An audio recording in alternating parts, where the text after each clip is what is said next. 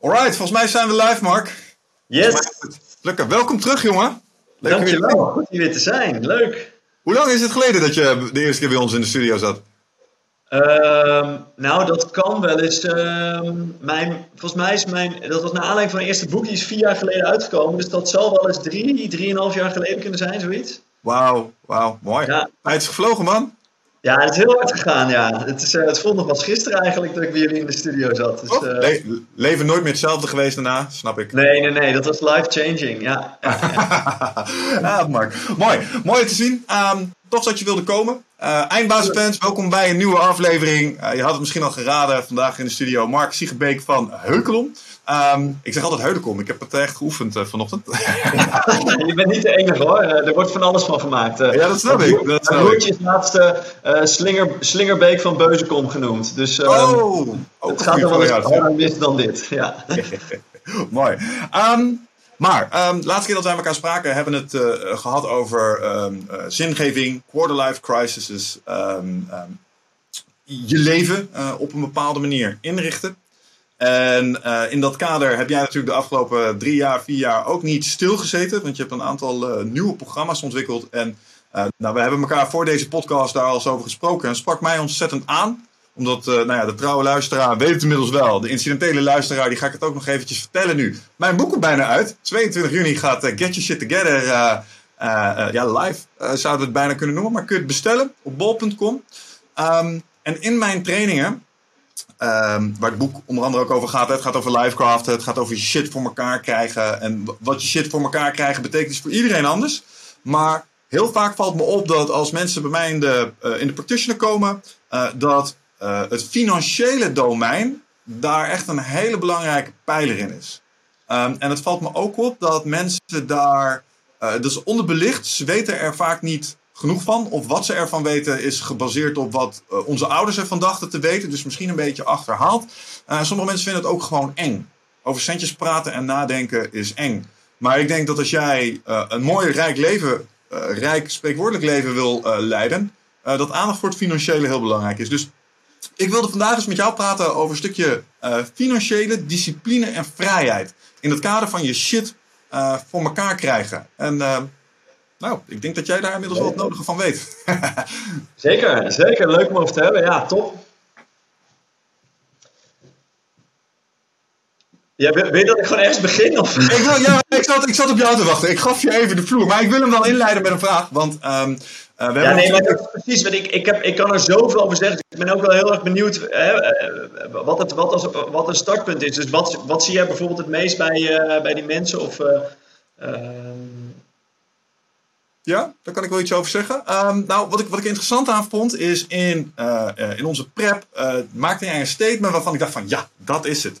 Um, ik denk dat als ik kijk naar je relatie met geld, dat ik ook iets weet over hoe je op andere aspecten in je leven staat. En, zoals jij dat formuleerde, geld is een soort spiegel. Jouw relatie met geld is een spiegel. Zou je daar eens iets meer over kunnen vertellen? Ja, zeker, zeker. Dus um, veel, überhaupt het, het um, dat je een relatie met geld hebt, is, is voor veel mensen een volstrekt blinde vlek. Um, bijvoorbeeld omdat het, hè, ik denk wat jij zegt heel terecht is, dat het ontzettend gevormd wordt in je jongere jaren. Dus, dus wat uh, leven je ouders je voor? Um, hoe gaan ze met dingen om? hoe wordt er over geld gesproken? Dat beïnvloedt allemaal hoe je op latere leeftijd over geld nadenkt. Dus hmm. eigenlijk is geld voelt Um, voor veel mensen, in ieder geval, lijkt het bij mezelf, maar voor mij voelt het als een nogal uh, oppervlakkig onderwerp. Hè, moeten we daar nou over gaan hebben. Dus ik, ja, ik heb inderdaad niet stilgezeten sinds onze laatste podcast. Ik heb uh, van alles gedaan, waaronder een boek over meditatie. Weet je wel, meditatie voelt dan misschien meteen heel erg als van ja, dat gaat, het heeft wel diepgang, et cetera. Ja, mm. Het mooie is, het geld heeft eh, vanuit persoonlijke ontwikkeling gezien ook heel veel diepgang. Omdat iedereen een relatie met geld heeft die heel erg bepaald is door, door je verleden. En die dus of op dit moment versterkend werkt voor de dingen in je, in je uh, leven die je wil bereiken, of beperkend. Hmm. Um, en nou, hoe kun je dat nou voorstellen? Hoe is geld een spiegel? Misschien is wel het, het, het beste voorbeeld, en dit zullen de, uh, de ondernemers of de mensen die nadenken over ondernemen herkennen um, onder de luisteraars. Uh, ga maar eens um, geld voor je, voor je eigen dienst te vragen als startend ondernemer. Nou, je, je zult het ongetwijfeld uh, herkennen, Michel, maar dus er is bijna niemand die dat niet op de een of andere manier lastig vindt. Mhm. En de mensen die het het lastigst vinden, hè, wat verraadt het nou? Hoe is geld dan een spiegel? Ja, dat gaat natuurlijk ook over eigenwaarde. Dus, dus wat ben ik waard en wat mag ik vragen? Ehm, kan ik dat maken? Uh, mag ik onderhandelen? Of, uh, hè, dus, ik heb ook wel een heel sterk pleaserspatroon. Ik, wil, ik vind het heel belangrijk wat andere mensen van me vinden. En ik wil heel graag dat iedereen, iedereen me aardig vindt. Dus om dan om meer geld te vragen, of überhaupt om geld te vragen voor, voor mijn diensten, ja, dan moet ik wel even langs een paar soort van oude blokkades die gaan over straks vinden ze me niet aardig. En, uh, ja. Dus op zo'n manier kom je, zodra je met geld aan de slag gaat, ik, ik, ik heb zelf, ik heb natuurlijk, hè, waar haal ik mijn informatie vandaan? Ik volg ook allerlei trainingen en ik lees boeken. En um, ik volgde ooit een training bij een dame en zij zei, op het moment dat ik me met geld ging bezighouden in mijn leven, um, vond de grootste persoonlijke groei plaats. Omdat ik gewoon vol geconfronteerd werd met een aantal beperkingen waar ik mee rondliep. En ja, weet je wel, geld gaat om 1 en nullen. Dat is gewoon heel concreet. Weet je? Het is gewoon zoveel en het is niet meer, het is niet minder. Dus, dus het, op een punt is het gewoon, is alle fuzziness eruit. Nou, en, en, Mhm. en dat was voor haar best wel pittig. En die herken ik heel erg. Dus ik heb ook echt wel flink wat spiegels gehad door juist naar die relatie met geld te kijken.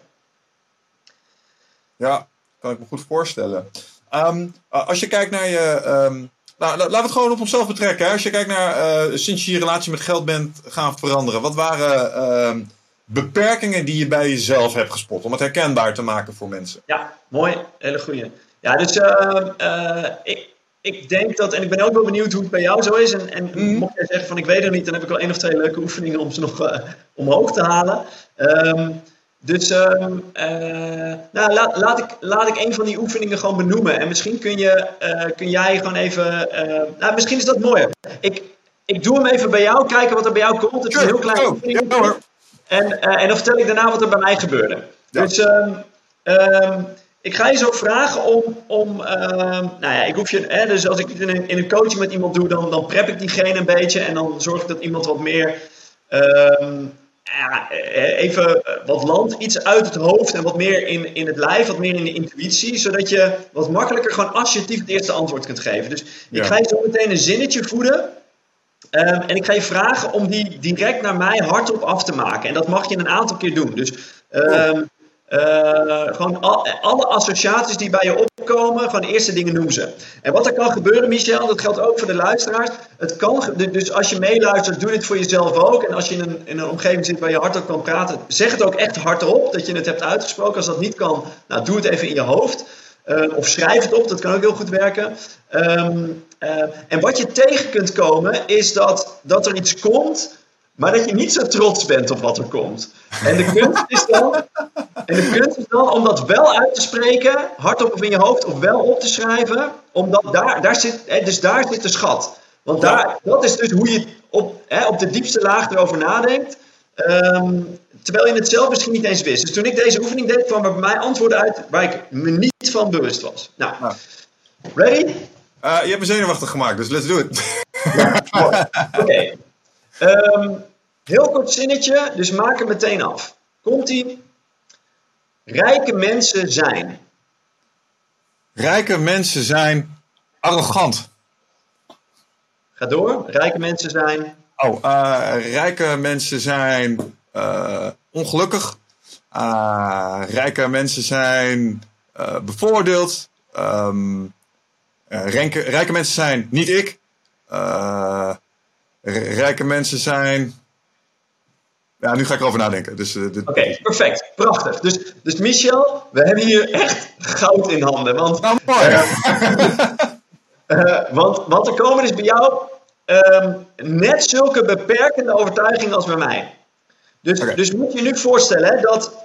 Um, dus, dus, dus ook voor de luisteraar. Stel je loopt rond met de overtuiging. Uh, rijke mensen zijn arrogant, ongelukkig, uh, in ieder geval niet ik. Um, dus de kans dat je dan ooit rijk zult worden in je leven.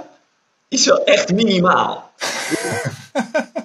ja, maar dus, weet je, volg de logica maar. Dus zodra er veel geld naar jou toe komt. en je een klein beetje richting rijk lijkt te gaan, dan gaan deze overtuigingen aan. Die zeggen dan, "Huh, kut, nu ben ik dus zo'n arrogante, ongelukkige klootzak die, eh, oh jee, Oh ja. eh, nee, dit, dit- dit- dit hoort helemaal niet. Ik ben, ik ben niet rijk, dus dit kan niet, dit kan niet van mij zijn, dit geld. Ja, Ehm, en, ik pas mijn, en wat je zegt klopt. En ik pas mijn gedrag aan op sommige momenten als, als dat soort gelegenheden. Of ik, of ik vier het niet helemaal, of ik durf het niet helemaal te voelen. Dat ik denk, nou, dit moet glorieus misgaan ergens, want puntje, puntje. Of moet ik dit wel willen, want straks val ik in al die valkuilen waar ik rijke mensen in heb zien stappen. Dus, Precies, precies. Dus er komen vanuit deze diepste overtuigingen over wie of hoe rijke mensen zijn, komen er, eh, daar komen allerlei strategieën, allerlei patronen, allerlei scriptmatig gedrag komt eruit voort ehm, hoe je je leven inricht. En als je het dan hebt over je shit together krijgen en, en, hè, en lifecraften, dan is dit onwijs blokkerend. Nou, ik zal je vertellen wat, wat er bij mij uitkwam. Dus ik had net zo'n eh, rijtje om op trots op te zijn als jij. Bij mij kwam eruit, rijke mensen zijn teringleiers, egoïsten, klootzakken, denken niet aan andere mensen. En ik was het zo aan het. Ik dacht, "D- dit, dit wist ik helemaal niet van mezelf, dat ik zo'n negatief beeld heb van rijke mensen. hmm, Ehm, dus, dus voor mij is het eigenlijk hetzelfde als jij. Ik heb een, een, een negatief beeld van rijke mensen. Dus ik zal alles doen, eh, hè, als ik me er niet bewust van ben, zal ik alles in het werk stellen om dat geld maar niet dicht bij mij te laten zijn. Nou, daar komt nog een andere bij. Eh, laat ik die ook nog met je doen, ook voor de luisteraars. Leuk. Heel kort. Tweede zinnetje. Komt hij meteen weer, gewoon bam, het eerste wat in je opkomt. Geld is. Macht. Geld is voortgang. Geld is energie. Mooi. Mooi. Dus, dus hier zitten bij jou al wat, wat, wat positievere connotaties bij. Ehm, voortgang, energie, weet je, dat zijn, dat zijn, ja, dat zijn positieve dingen. Macht kan, weet je, dat kan heel positief zijn. Dat, dat hangt er vanaf welke, dan zou ik je eigenlijk de moeten zeggen, stellen, macht is. En dan, eh, eh, dan komt er misschien corrumperend of, eh, of er komt Ja, ja, ja, eh, ja, ja, ja. handig. Of, dus, dus daar weten we nog niet helemaal. Hè? Dus daar, daar zou ik dan dieper eh, met je in moeten duiken. Ehm, maar kijk, in de kern is, is geld natuurlijk, het is neutraal. Dus het is nog positief, nog negatief. Maar bijna niemand heeft gewoon een neutrale houding ten opzichte van geld. Dus geld is gewoon een middel. Hè? Dus je had zo'n hele mooie reclame, volgens mij was het ASN of Triodos. eh, geld wordt fout of goed afhankelijk van wat je ermee doet. Zoiets was het. Ja. Dat is wat geld is. Ehm, alleen doordat heel veel mensen er slechte dingen mee hebben gedaan, heel veel mensen goede dingen he- he- hebben mensen daar, of, of ontstaan vanuit eh, hebzucht of, of ja, andere toch niet zo helpende eh, patronen, eh, kan geld ook te belangrijk. Dus mensen kunnen het ook te positief vinden en het heel graag willen hebben. Nou, bij mij kwam er, en dat hebben best wel veel mensen, ik denk dat er ongetwijfeld één of twee luisteraars zijn die dit ook zullen hebben. Bij mij kwam er, geld is vies. Ehm, waarom heb ik die overtuiging? Omdat ik dit gewoon letterlijk van mijn moeder geleerd heb. Als er vroeger bij ons, dus, dus, en met letterlijk bedoel ik ook letterlijk, ehm, dus als ik een briefje, eh, een geldbriefje of munt in mijn handen had, dan moest ik daarna altijd mijn handen wassen van mijn moeder. Want ze zei, ja, geld is heel smerig, er zitten heel veel bacteriën op en eh, weet je wel, en dan... Nou, later leerde je, er werd het bevestigd, er zitten urinesporen, cocaïnesporen, zit van Ik wil zeggen, kookresten. Ja. precies, precies. Ehm, dus, dus ergens, het is ook wel waar, geld is ook vies in, in, hè, in de absolute zin. Maar als je niet oppast, wordt dat ook een, eh, een symbolisch concept. Geld is vies, houd maar bij jezelf vandaan. Dus als je dan ook al een overtuiging hebt over rijke mensen en de geld vies vindt, dan wordt het echt heel makkelijk om dat spul ver bij je vandaan te houden. Dus als ik ook kijk naar mijn, ehm, hè, mijn relatie met geld tot ik het ging onderzoeken, was eigenlijk heel simpel. Als ik geld heb, dan geef ik het uit. Dan, het moet weg bij mij. Ik heb nooit een, tot ik ermee bezig ging, een gezonde buffer gehad. Voor mij was het gewoon simpel. eh, geld moest gelabeld zijn, weet je wel. Wat ga je ermee doen? Je spaart voor iets. Je spaart niet gewoon om het op een rekening te laten staan. Dat concept kende ik niet. Ja. Ehm, dus zo zie je, hè, met, met de- door even nou ja, jouw overtuigingen van geld te verkennen en, en, en die van mij. En er zijn er nog veel meer, want dit zijn maar twee voorbeeldjes. Ehm, hoe, hoeveel invloed het kan hebben op je leven. En, en vooral dus voor, het is voor iedereen, maar vooral voor mij eh, eh, toen ik start als ondernemer. Dus om geen gewoon los geld op je spaarrekening te hebben staan, dat daar staat gewoon te staan. En dat, dat heet dan een vangnet of een buffer. Dat is heel Mhm. handig voor ondernemen. Dat, weet je, dat niet doen, is eigenlijk echt super dom. Ja, ik wist dat gewoon niet. Ik had dat nooit geleerd. Dat, dat, ja, gewoon. Dat, dat, dus, dus daar heb ik, en ik kan dat terugleiden, kan heel duidelijk naar mijn vader. Ehm, ja, gewoon geld is om uit te geven. Dat is gewoon heel, weet je, geld boeit hem helemaal geen reet. Omdat het er vroeger altijd was bij hem. Dus kan, en, en dat is het interessante van je, je relatie met geld onderzoeken. Er zit altijd, weet je, dus het is altijd weer herleidbaar. Maar dat wil niet zeggen dat het je niet in de weg kan zitten. Ja, ik snap het. Ik zit even te na te denken over hoe dat eh, zich bij mij relateert tot de antwoorden die ik daar straks gaf. Omdat als ik naar mijn. Ja, mijn moeder had wel een dergelijke houding als het ging om, om centjes. Die had, die had een gat in de hand. Die, die, die had dezelfde houding in. Mijn vader daarentegen was iets soberder. Ehm, meer hand op de knip, inderdaad, het, bufferen. Ehm, ik zou er nog één toevoegen aan, geld is puntje, puntje. Nodig zou ik op basis van wat ik daar gezien heb ook nog zien van je moet het wel. Je, je moet rekening houden met een, eh, eh, met een, met een rainy day. Dat, dat zit er dan wel in. Dus mij is wel gezegd, je moet sparen en dat soort zaken. Ehm, bufferen vind ik vanuit de opvoeding ook wel verstandig. Ehm, zeker als ondernemer. Vind ik, maar dat is ook, ja, dan vraag ik me ook af hoeveel is daarvan ook wel gewoon weer gezond boerenverstand wat je vertelt als de andere ondernemers. Dus ik weet niet of ik die één op één kan herleiden op, eh, op, op mijn ouders. Want ik heb coaches gesproken, ja, die zeiden ja, je moet een runway hebben, weet je wel. Dus ik ben op een gegeven moment in die termen gaan denken. Ehm, voor de mensen die niet weten, een runway is een bepaalde periode dat je het kunt uitzingen zonder inkomsten. Ehm, Precies. en mij is precies. verteld, zorg dat je een runway van ongeveer twee jaar hebt. Destijds, toen Michael Pilatschek die zei, zorg dat je een stuk cash in huis hebt. Zorg dat je Ja. ongeveer een jaar aan, eh, aan centjes eh, eh, hebt liggen. Wat er ook gebeurt. Ehm, nou, dat Ja. heb ik te harte genomen destijds. Dus, eh, Ja, super mooi. En, en, en wat daar, het is wel leuk om vanuit, hè, wat, wat je daar zegt, is het heel makkelijk ook, ook ehm, even de brug te slaan naar ehm, eh, een van de onderwerpen van de polls, namelijk financiële vrijheid. Dus, dus Mhm. waar zo'n runway is een onderdeel van financiële vrijheid. Want als jij weet, als ik nu alles in mijn handen laat vallen en hoef ik twee jaar niks te doen, dan ben je financieel vrijer dan iemand die dat niet heeft. Ja, Ehm, en, en wat daar natuurlijk bij belangrijk is, is ja, maar hoeveel geld heb je dan nodig? Ja, dat hangt dus af van je levens, levensstijlkosten. Dus afhankelijk van wat een maand jou kost, eh, dat bepaalt ehm, hoeveel geld je nodig hebt om het twee jaar uit te zingen. En als ik weet dat mensen, dat is in mijn course ook, en dit zijn ook dingen die we die in, in de online course over, over geld die we, die we mensen aanraden. En dan komt al heel gauw vaak de vraag, of eigenlijk de, de, de schrik van twee jaar, weet je, weet je hoeveel geld ik dan moet sparen? Voor mensen die nog hulp een spaarrekening hebben, is dat echt. En dan, weet je, ons advies is dan altijd, begin eens met drie maanden. ja, Weet je, hoe chill zou het zijn als jij gewoon weet, als er iets gebeurt, dan hoef ik drie maanden niks te doen. ja. En dan kan ik gewoon nog leven zoals ik nu leef.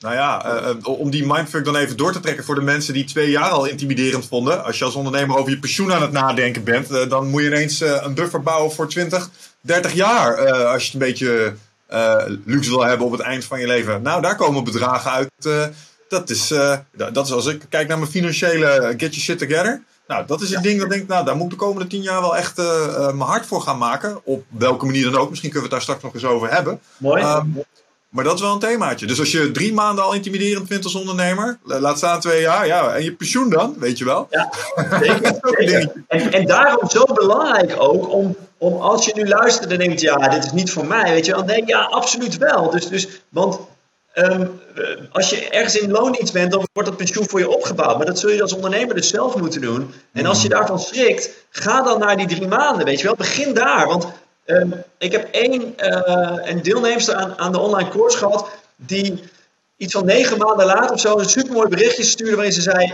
Ik heb mijn geld nu, mijn persoonlijke financiën nu zoveel beter voor elkaar. Ik had nooit durven denken dat ik in zo'n korte tijd ehm 12.000 euro bij elkaar zou kunnen sparen. Maar door, weet je wel, verschillende tips en gewoon door de dingen die jullie noemen, om die, door die te doen, ehm, eh, heb ik nu gewoon veel meer mentale rust. En, en, en dat is ook even.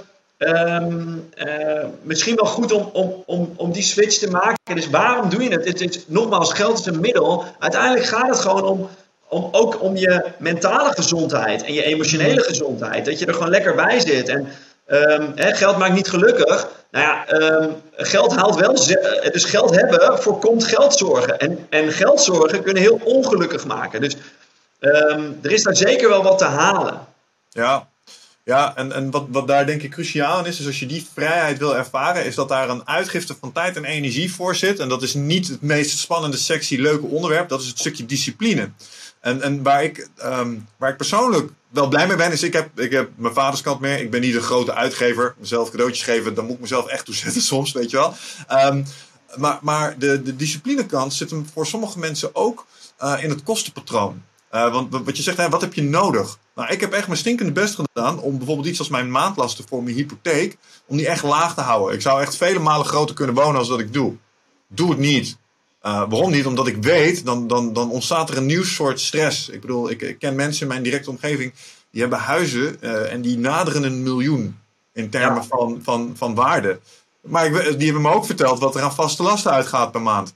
Ja. Holy shit! Weet je wel, dat gaat richting de 5k. Dan denk ik, de tering. Ja, we hebben wel kinderen en dat soort dingen er allemaal bij met uh, kinderdagopvang. Maar even 5k vaste lasten per maand. Mijn god, ik moet ja. er niet aan denken. Weet je wel? Um, maar, maar, maar, mensen willen graag dat, dat, dat ultieme plaatje. Um, maar dat kan je niet krijgen als je aan de kostenkant, denk ik dan, eerst bereid bent om bepaalde concessies te doen. Om ja, nee. elkaar te krijgen, zodat je daarna kunt doorgroeien naar zoiets. Ja, super belangrijk. Dus het is wel mooi, hè? Kijk, um, uh, laten we even helemaal gewoon. Hè? Ik ben eigenlijk een beta, dus ik kan er dan, uh, weet je, ik heb natuurlijk heel erg in mensen verdiept, maar ik vind, het, ik vind die getallen natuurlijk ergens steeds ook wel leuk. Um, ja. en, en, formules en zo. Dus, dus wat is nou financiële vrijheid? Nou, um, je, bent, je bent financieel vrij als jouw passieve inkomen groter is dan je levensstijlkosten. Nou, wat bedoel ik daarmee? Dus dit is de hele simpele formule. Financiële vrijheid is passieve uh, inkomsten zijn groter dan, uh, dan levensstijlkosten. Ja. Wat betekent dat? Dat betekent dat. Um, dus we hebben twee termen. We moeten even het gaan hebben over levensstijlkosten en, en, en, uh, en passieve inkomsten. Dus laten we ja. met die levensstijlkosten beginnen, want daar hebben we het nu over. Dus dat betekent dat een maand niet altijd. Dus even denken bijvoorbeeld uit die rumba, uit die buffer. Dus je houdt het met, met je spaarpot houdt veel langer vol als je maandlasten lager zijn.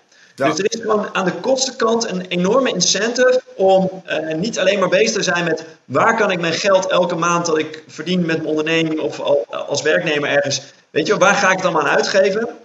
Nee, je kunt er ook naar kijken, hoe kan ik dat lekker laag houden, zodat ik op andere vlakken heel veel vrijheden heb. Dat ik, hè, dus dat ik aan de inkomstenkant geen verplichtingen heb. Ja. Um, nou, en de, de, um, misschien, nee, laten we het daar straks nog eens over hebben vanuit, um, uh, vanuit een, een, een, een, prachtig systeem dat ik ooit leerde van de zeven potten van geldbeheer. Ja. laten we die even parkeren en net als pensioen, dan komen we daar nog even. Yes. En, en dat, dus, dus, dus er is een incentive om iets, iets te doen aan de, aan de uitgavenkant.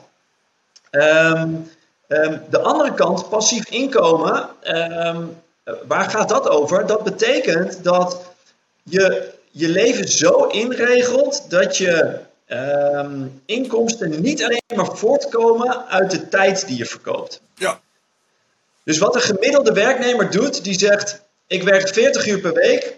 Um, uh, voor, en, en per uur krijg ik een bepaald bedrag van jouw beste werkgever. Je zit op dat moment zit je dus vast aan um, uh, ja, eigenlijk een, een soort van uurtje-factuurtje systeem. Ja. Dus je, je, je moet verplicht elke week bepaalde dingen doen om gewoon je huis te kunnen betalen, je eten te kunnen betalen, je kind op de opvang te kunnen houden, et cetera. Mm. Nou, um, dat is niet erg, Um, tot het moment, bijvoorbeeld, dat wat je doet niet meer leuk is. Dus als je nu een huis van een miljoen koopt, of sterker nog, als je dat een paar jaar geleden hebt gekocht en nog wat een hogere rentetarief hebt dan, dan, dan wat dat nu is, mm. uh, daar weinig eigen geld in hebt zitten, dus een hoge hypotheek. Je, je anderszins, weet je wel, elke week twee keer uit eten, uh, vijf dagen kinderopvang, noem maar op. Dus, dus als je richting die 5000, misschien nog wel hoger aan maandlasten gaat, dan, dan moet je dat dus elke maand verdienen. Mm-hmm. Niet elke baan betaalt dat. Sterk, en, en nog veel belangrijker, niet elke leuke baan betaalt dat. Dus er zijn ja. zeker wel. Als ik nu een baan zou willen vinden waarin ik uh, uh, dat soort bedragen verdien, nou, ik zou hem direct kunnen vinden, denk ik. En weet je, dat, daar kom ik wel uit. Ik weet niet of ik dat werk leuk zou vinden. Dat is een hele andere vraag. Ja, snap ik. Dus dus um, uh, de kunst is om, om ervoor te zorgen dat die, dat die maandlasten laag zijn, zodat je daar tegenover kunt zetten een, een, een, uh, een inkomstenstroom ehm, nou, die, waar je of minder tijd voor nodig hebt, dat scheelt al heel veel. Uh, of waarvan een gedeelte dus ook gewoon binnenkomt zonder dat het je tijd kost. Nou, waar kun je dan aan denken om de mensen die denken, ja, waar de fuck heb je het over? Um, dus voorbeelden van passieve, passieve inkomsten zijn bijvoorbeeld royalties. Dus jij, jij brengt, het wordt jouw eerste boek, uh, Michel, toch? Klopt, klopt, klopt, klopt. Ja, dus jij geeft straks een boek uit. Um, uh, en dan krijg je elk kwartaal of elk jaar krijg je van je uitgever straks een royalty statement. Of mhm. als je het zelf doet, dan werkt dat weer anders. Hè, maar dan, dan, dan, heb je nog meer inkomsten. Maar dan komen er. En, en die zijn niet bepaald door hoeveel tijd je erin stopt. Er is wel een link, want als jij heel veel aan de promotie van je boek doet, dan verkoop je meer boeken. Maar in principe uh, kan het zo zijn dat jij niks aan je promotie doet, dat mensen dat via verschillende kanalen tegenkomen, waar mond-op-mond reclame als het goed boek één van is, eh, mhm. en jij per sale een bepaald bedrag krijgt. Nou, dat, is, dat kan volledig passief zijn, want weet je, daar hoef je dan helemaal niks voor te doen. Nou, dat soort inkomstenstromen, het is gewoon belangrijk als mensen om, hè, als, je, um, als je met geld bezig gaat, om daar op zijn minst over na te denken, mee bezig te zijn. Kunnen we kunnen we daar nog iets langer over nadenken? Voor, want uh, de royalties zijn hele mooie, maar dat, dat, dat suggereert een boek schrijven. Ja. Uh, ik heb uh, destijds de 4-Hour Workweek gelezen. Dat vindt ook iets van passief inkomen. Um, en daar hadden ze als tip nog bijvoorbeeld open een webshop. Ja. Nou, uh, hebben Wicht en ik gedaan. Daardoor is eindbazen ontstaan destijds. Was niet helemaal voor Our Workweek. Je had er wel wat werk aan, maar niet zoveel als het had kunnen zijn in een voltijdbaan. Dus dat, dat zijn opties. Uh, Een online leeromgeving is ook een hele mooie. Dus iets qua, qua, kennis neerzetten. Maar wat zijn. Maar dat, dat, vergt eigenlijk allemaal een klein stukje zelfstandig ondernemerschap. Um, ja.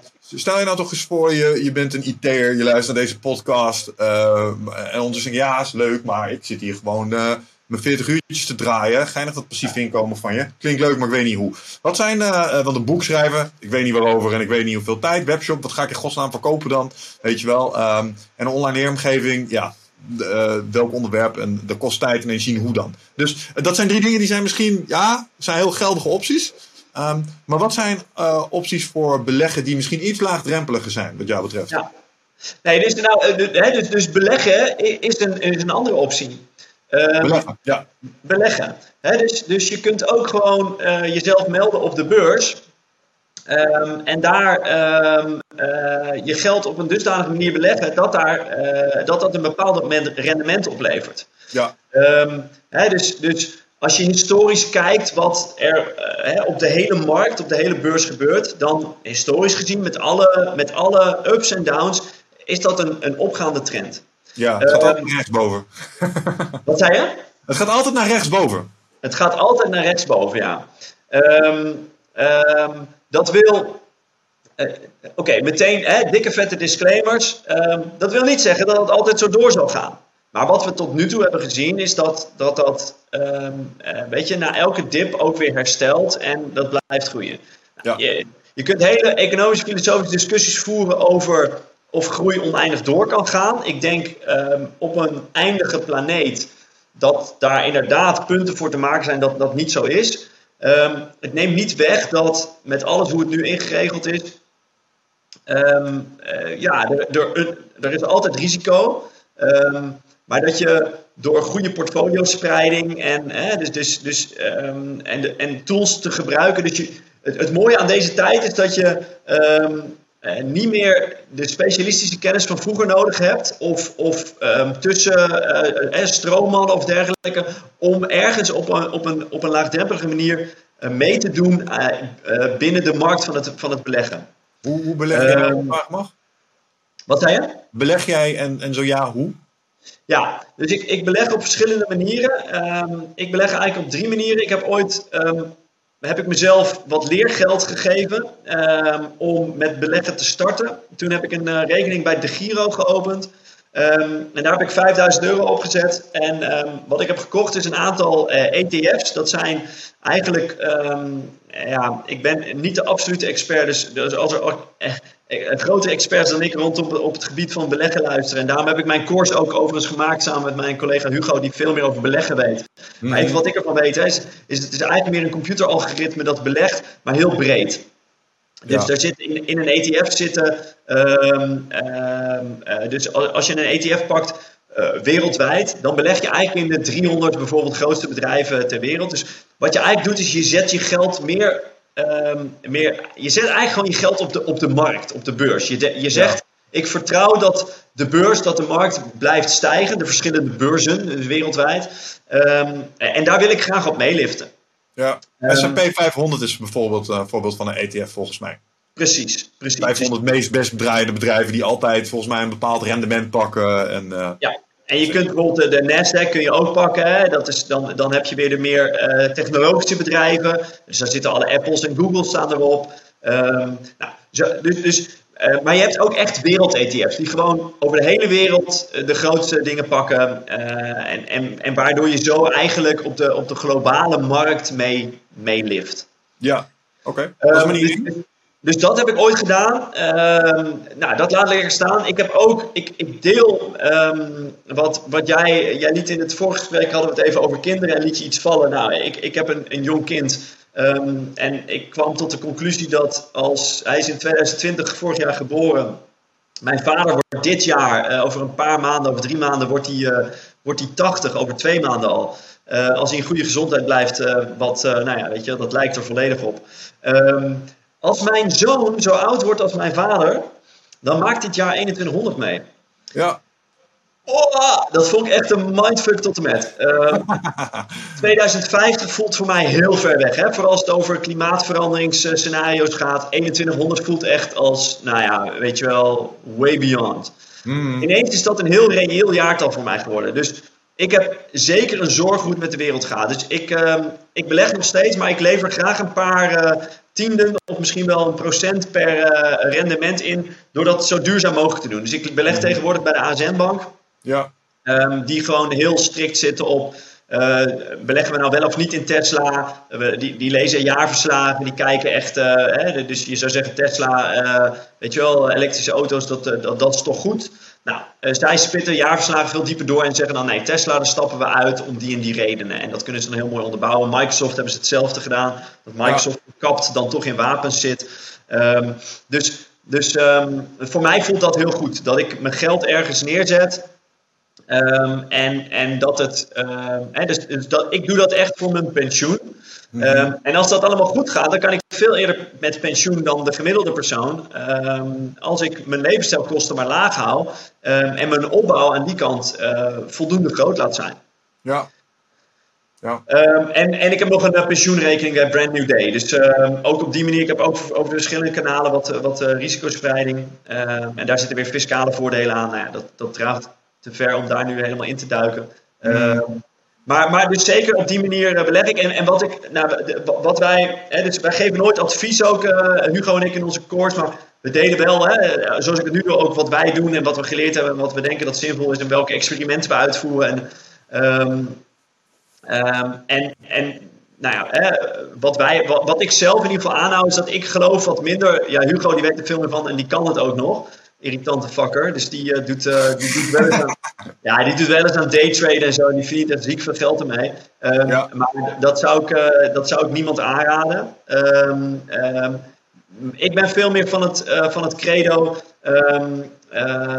time in the market, dus tijd in de markt, beats timing the market. Verslaat het timen van de markt. Ja. Ja. Ehm, Snap ik. En, en wat dat betekent is dat om te beleggen hoef je niet te zeggen, oh, maar dan moet ik dus nu, net als AZN, moet ik dan bepalen of ik dan Tesla koop en wanneer en wanneer ik het weer verkoop. En, dus je hoeft de markt niet te timen. Nee. Ehm, het enige wat je doet is dat je zegt: ik wil, ehm, ik wil meedoen in de groei die we historisch altijd gezien hebben eh, op de lange termijn. Dus hè, over 20 of 30 jaar zal de markt hoger staan dan nu. Waarschijnlijkerwijs. Ja. Omdat dat, hè, als je nu 20 of 30 jaar terugkijkt, dan is dat altijd, hè, in cohorten zo terug, is dat altijd zo geweest. Dus dan is het zinvol om, om, om nu, en dat kun je dan best niet één, ook weer één moment kiezen. En dan flikker oh, ik heb nog wel een ton ergens staan, dan flikker ik dat nu allemaal in de markt. Om, om maandelijks een klein beetje in te stappen. Ja. Dat is een van de dingen die ik doe. Ik, ik, dat is voor mijn pensioen. Maak ik vijf, eh, 500 euro per maand maak ik naar die ASM beleggingsrekening over. En zo stap ik elke maand stap ik in op het niveau wat, wat de markt dan heeft. Ehm, op een voor mij zo duurzaam mogelijke manier. waar ik wel dus, dus, dus iets van, van groei op de lange termijn meepak. Nou, ja. Ehm, als je, als je op een gegeven moment een grote, dus jouw vraag was van hoe kan nou die IT'er die geen zin heeft om voor zichzelf te gaan ondernemen, wel aan, uh, aan passief inkomen komen. Nou, dit is een manier. Dan is het dus eigenlijk wel belangrijk dat je er voor de lange termijn in gaat. Dus op korte mm. termijn heb je daar dan nog niet zoveel aan. Het kan wel je pensioen flink naar voren halen. Het kan ook zo zijn, en, zeker als je op een gegeven moment. Um, dus je kunt gewoon uitrekenen um, hoe groot jouw potje belegd vermogen op een gegeven moment moet zijn. Als je daar bent, dan kun je gemiddeld 4% per jaar kun je eruit trekken gezien um, een, een, gemiddeld rendement van in ieder geval van um, uh, bedrijfsbelegging van, van, van aandelen. Hè. Je, het hangt vanaf waar je in belegt, of je in obligaties met aandelen gaat. Maar aandelen gemiddeld, hè, daar, kun je prima rond de 7% zitten. Nou, als je daar 4% uitpakt, heb je een veilige marge. Um, als je potje nog groot genoeg is, kun je daar dan dus maandelijks van leven. En dan heb je 100% um, uh, passief inkomen, want je hoeft daar echt helemaal geen rekening voor te doen. Nee, en op het moment dat je passief inkomen je uh, vrij heeft gespeeld, kun je ook ineens weer gaan werken aan al die andere bronnen van passief inkomen waar we het er straks al over hadden. Dus... Precies, precies. Dus dan ontstaat er heel veel ruimte om allemaal leuke dingen te gaan doen, waarbij je wederom bijvoorbeeld kennis verkoopt, zoals jij en ik dat doen met een boek of met een online course, in plaats van je tijd. Ja. Um, dus dat, en, en uh, natuurlijk vastgoed, hè, dat is een andere. Um, en, en ja, ik denk dat in, Ehm, misschien wel goed om te noemen. Ik ben wel iemand met een redelijk sterk geweten en, en sterke principes. Um, bij al het spelen principes. Dus, dus ik vind het belangrijk om, om passief inkomen te genereren uh, en, en aan mijn pensioen te denken met beleggingen. Maar dan wil ik dat graag groen doen. Uh, ik, we kennen ook veel mensen die passief inkomen halen uit, um, uh, nou ja, even een, een, beetje on, onaardig gezegd huisjesmelken. Ja, ik wou zeggen, pandjesmelken. Zeg het maar gewoon. ja, ja, ik las een super interessant artikel laatst in, in de NRC van een, ehm, eh, een journalist die hetzelfde probleem had. Van ja, eh, ik ben freelancer, dus ik bouw geen pensioen op. Dus uh, ik ga in huizen zitten en zo ga ik, uh, ik word gewoon een huisjesmelker. Um, En hij zei, ik vind daar van alles van. Ik vind het systeem verrot. Ik vind het belachelijk. Hij vertelde het verhaal dat hij een huis ging kopen om te verhuren. Hij was in strijd met een jong gezin dat dat wilde kopen om daar te wonen. Wat gebeurt er? De bank bekijkt hun beide financiën en zegt tegen hem: Ja, meneer, uh, u heeft een uh, groot voordeel, want u gaat, dit, uh, u gaat dit straks verhuren. Dus de huurinkomsten die u daaruit zult halen, die mogen wij meenemen als uw inkomen straks, waardoor u er financieel beter voor staat. Dus u kunt een hogere hypotheek krijgen en u kunt een hoger bod neerleggen dan die andere partij. Ja, ja, dus, ja. ja echt volstrekt gestoord. Dit is hoe, weet je wel, hoe, hoe de, de woningmarkt naar de knoppen gaat. Want het is dus voor een belegger is het makkelijker um, om zo'n woning te kopen dan voor een gezin dat er zelf in wil gaan zitten. Um, uh, dus dus um, maar, maar, maar het mag, het is, het is legaal en je kunt dat doen. Uh, als je mij een jaar geleden had gevraagd, uh, is het een goed idee? Ik gezegd, ja, sowieso altijd doen. En nu zit ik iets meer van, nou ja, je moet, ja, het is ook goed om over na te denken. Hè, wie wil je zijn en, en, wil je geld verdienen over de rug van een gezinnetje dat eigenlijk daar gewoon wil wonen, maar het huis niet kon kopen, want jij hebt meer geboden en dan moeten ze jou de huur gaan betalen. Ja. Nou, dus er zitten ook nog wat, wat leuke morele, ethische dilemma's waar je lekker op kunt kouwen. Maar, maar vastgoed is zeker ook een, um, ook een mogelijkheid, ja. Ja, nou, of je hebt de keuze om, uh, om het anders te doen als de mensen die het nu doen. Dus uh, ga het vastgoed en maak het beter van binnenuit. Zou ook nog eens een optie kunnen zijn, hè? ja, kan ook. Hè? Dus dat je, uh, maar kijk, ja, door in vastgoed te gaan kun je de regelgeving natuurlijk niet aanpassen. En dat is natuurlijk, daar zitten wat dingen nee, in. duidelijk verhaal. Duidelijk verhaal. Ja. Oké, ja, helder. Hey, uh, ja, je had het er straks al even over potjes. Um, eentje waar ik het nog even niet over wil hebben zijn de, even kijken, wat was het, de zeven potten van zorgeloos geldbeheer. Klinkt veelbelovend. Vertel eens meer.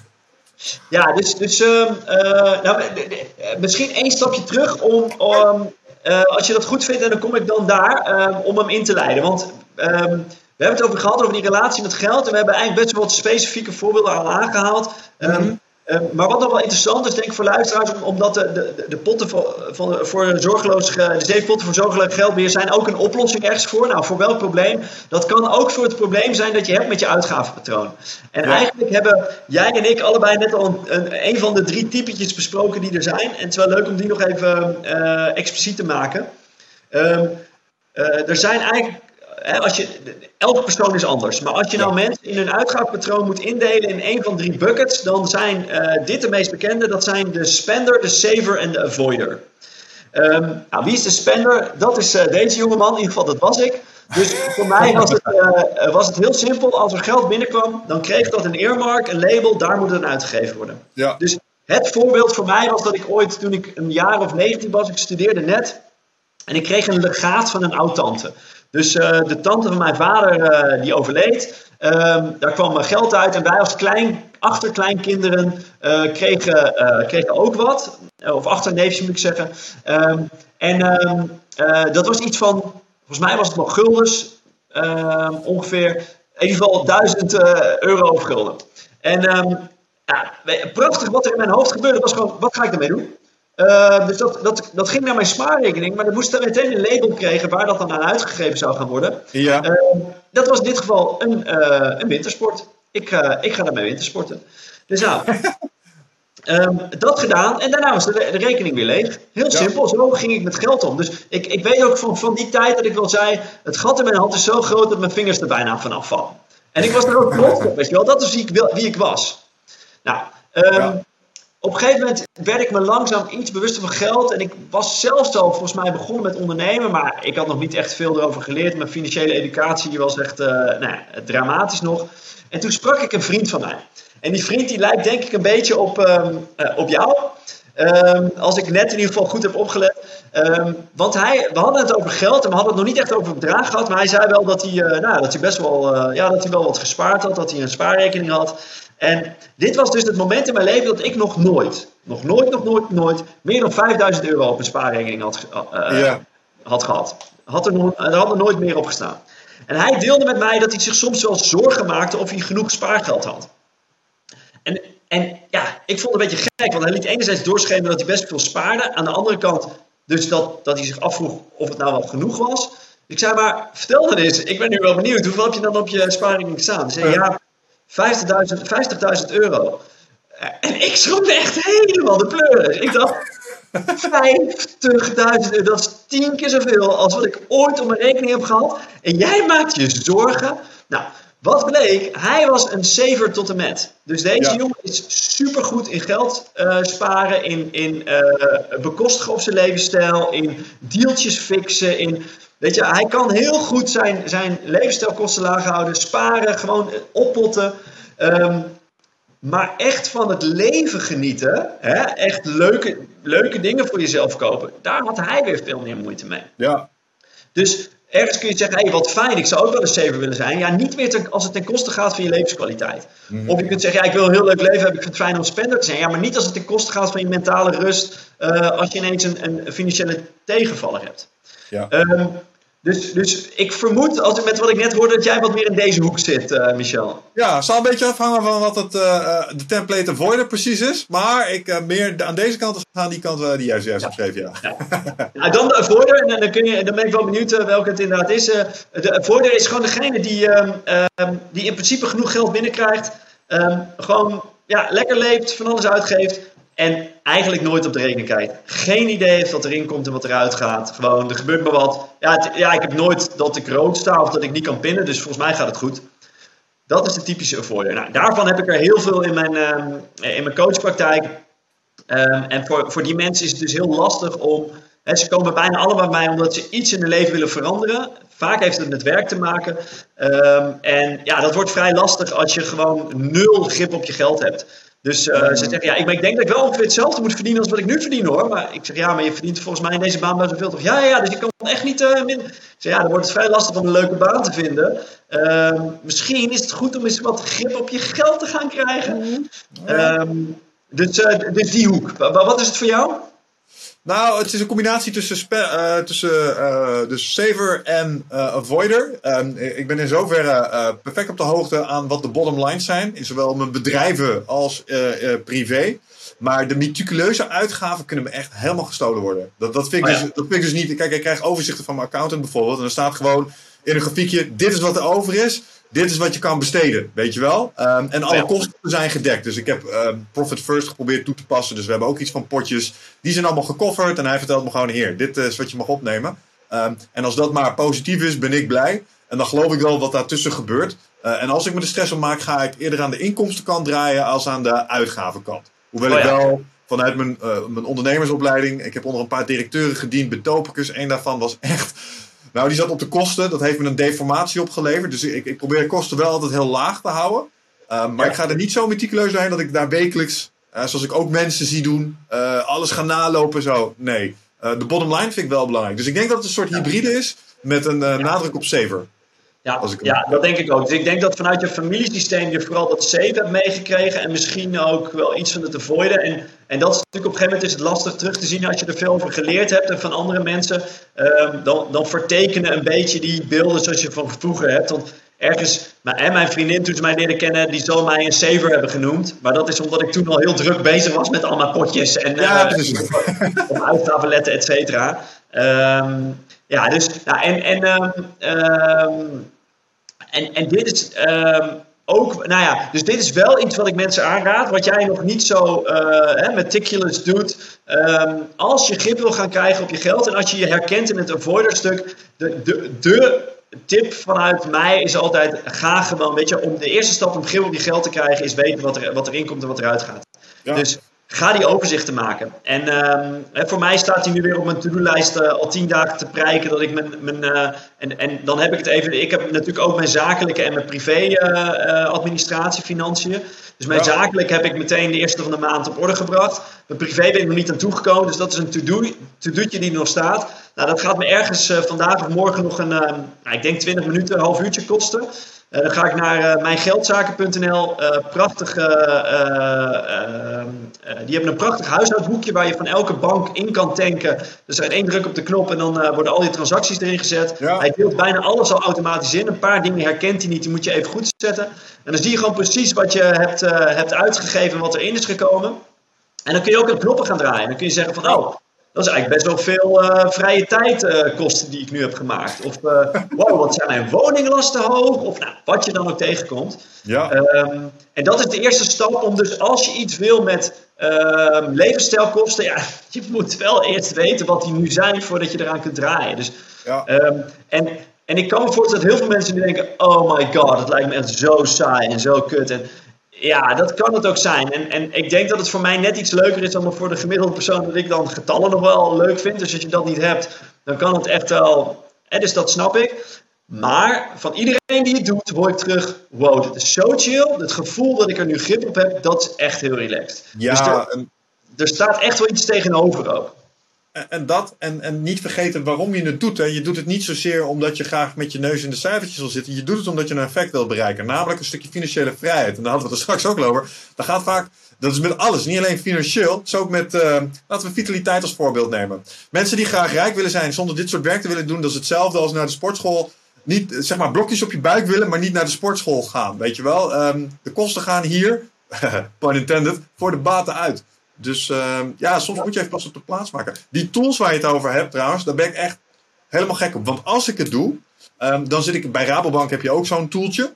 Uh, dan zit ik in dat soort dingen zit ik, uh, te grasduinen. En dan kijk ik daar en die kunnen je allemaal mooie gemiddeldes geven. En dan zie ik, hmm, dat thuisbezorgd.nl. Of uh, hey, ik zie dat de keur. Misschien moet ik maar weer eens wat vaker gewoon vlees van de Albert Heijn gaan. Of wat het dan ook maar is. Snap je? Ja. Um, dus de meeste banken-apps hebben, hebben dit ook wel. In ieder geval de webinterface. Ik heb het nog niet gezien in mijn uh, app van de Rabobank op mijn telefoon. Ja, maar de webinterface... heeft het in de, in de app, maar ik vind dat niet zo heel goed werken. Uh, uh, ABN AMRO heeft grip. Um, heb ik, ik heb vroeger het systeem van ABN AMRO een tijd gebruikt, omdat ik daar een rekening had.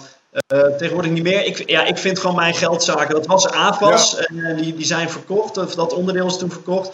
Um, ik vind het gewoon heel goed werken, omdat het met elke bank werkt. Dus je kunt ook verschillende rekeningen erin tanken als je wil. Um, en dan zit je niet vast aan de, de, software van een bank die weer verandert, maar dan heb je gewoon een externe partij die, die dit als, als hoofdmoot heeft.